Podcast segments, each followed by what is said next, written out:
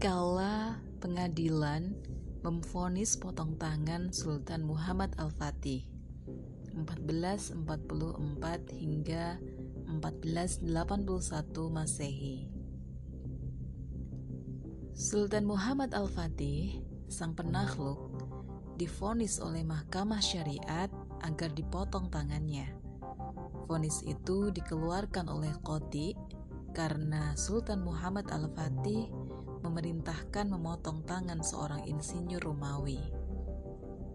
Sultan Al-Fatih mematuhi perintah pengadilan itu. Itu terjadi dalam peradilan Islam di dalam sistem khilafah. Bagaimana ceritanya?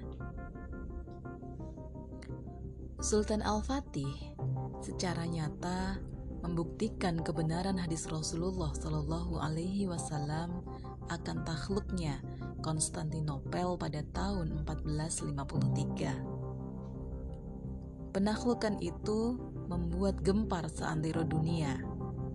Sultan Al-Fatih kemudian mengubah Konstantinopel menjadi pusat ibu kota Utsmaniyah. Selama kepemimpinan Sultan Al-Fatih, Utsmaniyah mencapai puncak kejayaannya. Kehidupan berjalan baik dan maju namun, hasrat Sultan Al-Fatih untuk terus menaklukkan tidak terhenti. Bahkan dia sempat merangsek menuju kota Roma. Hal inilah yang membuat penguasa Roma mengungsi dari singgasananya. Meski demikian, kepemimpinan Sultan Al-Fatih di dalam negeri bisa dibilang cukup adil. Hukum yang diterapkan benar-benar berwibawa. Malah dia sendiri sempat difonis bersalah, dihukum potong tangan oleh Mahkamah Al-Istinaf atau pengadilan pada era itu. Kasusnya bermula ketika Sultan Al-Fatih berniat mendirikan sebuah masjid jami di kota Istanbul. Dia kemudian menugaskan seorang insinyur Romawi, Epsalanti, untuk memimpin dan mengawasi proyek pembangunan masjid itu. Epsalanti memang dikenal sebagai insinyur yang mumpuni. Salah satu perintah sultan bahwa tiang-tiang masjid Jamik itu mesti dibuat eh, dari bahan marmer. Tiang-tiang itu juga harus dibuat tinggi agar masjid Jami bisa dilihat dari berbagai penjuru. Sultan Al-Fatih pun menentukan batas ketinggian yang harus dicapai. Perintah itu langsung ditunjuk, ditujukan kepada Epsalanti. Akan tetapi, dalam pembangunannya, Epsalanti malah memotong tiang-tiang itu hingga ketinggian tiang Masjid Jami tidak seperti yang dipesan oleh Sultan Muhammad Al-Fatih. Epsalanti bersikap demikian karena satu sebab. Ketika Sultan mengetahui hal itu, dia marah besar. Epsalanti dianggap telah melakukan pencurian karena mengurangi ketinggian tiang-tiang tadi. Kemudian, Sultan Al-Fatih memerintahkan agar memotong tangan Epsalanti. Ternyata, keputusan itu langsung dieksekusi tangan Epsalanti dipotong. Pasalnya, tiang-tiang yang sudah dibawa dari tempat yang jauh menjadi tidak berguna sama sekali. Perintah potong tangan itu dikeluarkan oleh Sultan Al-Fatih dalam keadaan emosi dan marah. Tapi nasi sudah menjadi bubur. Tangan Epsalanti sudah terpotong Sultan Al-Fatih pun sempat menyesali keputusannya itu karena dianggapnya perintah itu terlalu berlebihan. Dan di mata Epsalanti pun, tindakan Sultan itu sudah kelewatan. Itu sudah dianggap sebuah kezoliman. Begitulah pandangan Epsalanti. Alhasil, dirinya, dirinya pun mengadukan Sultan Al-Fatih kepada Mahkamah Al-Istinaf.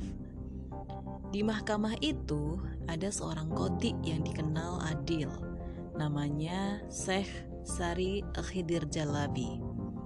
Dialah yang kemudian mengadili kasus ini. Kodi Saih Syarik Khidir Jalabi kemudian mengutus orang untuk memanggil Sultan Al-Fatih untuk datang ke pengadilan. Karena walau sebagai sultan, Al-Fatih mendapat aduan dari seorang rakyatnya yang menuntut keadilan kepadanya.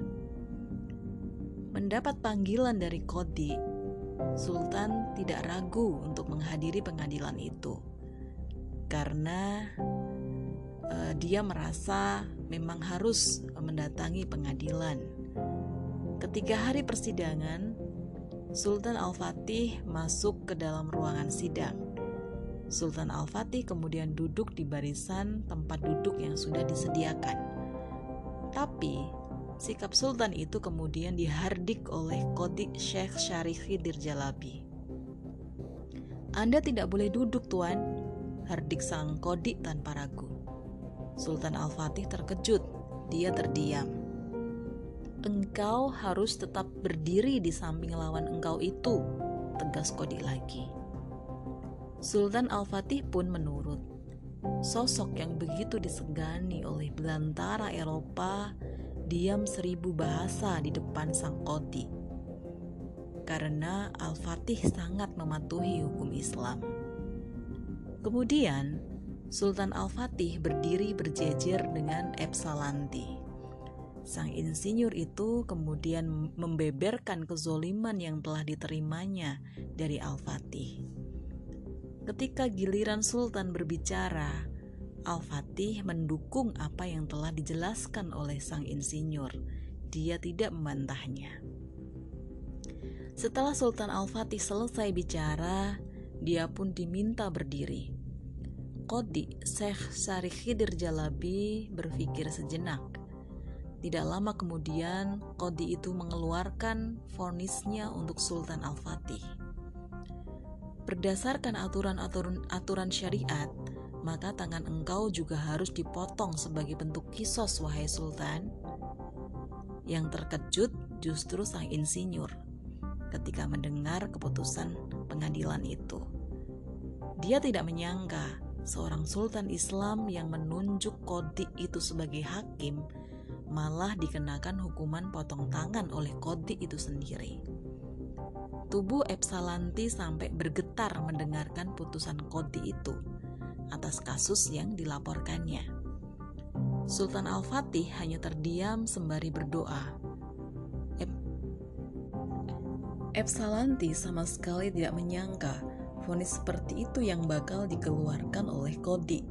Padahal niat awalnya Epsalanti adalah dia menuntut ganti rugi karena tangannya telah dipotong.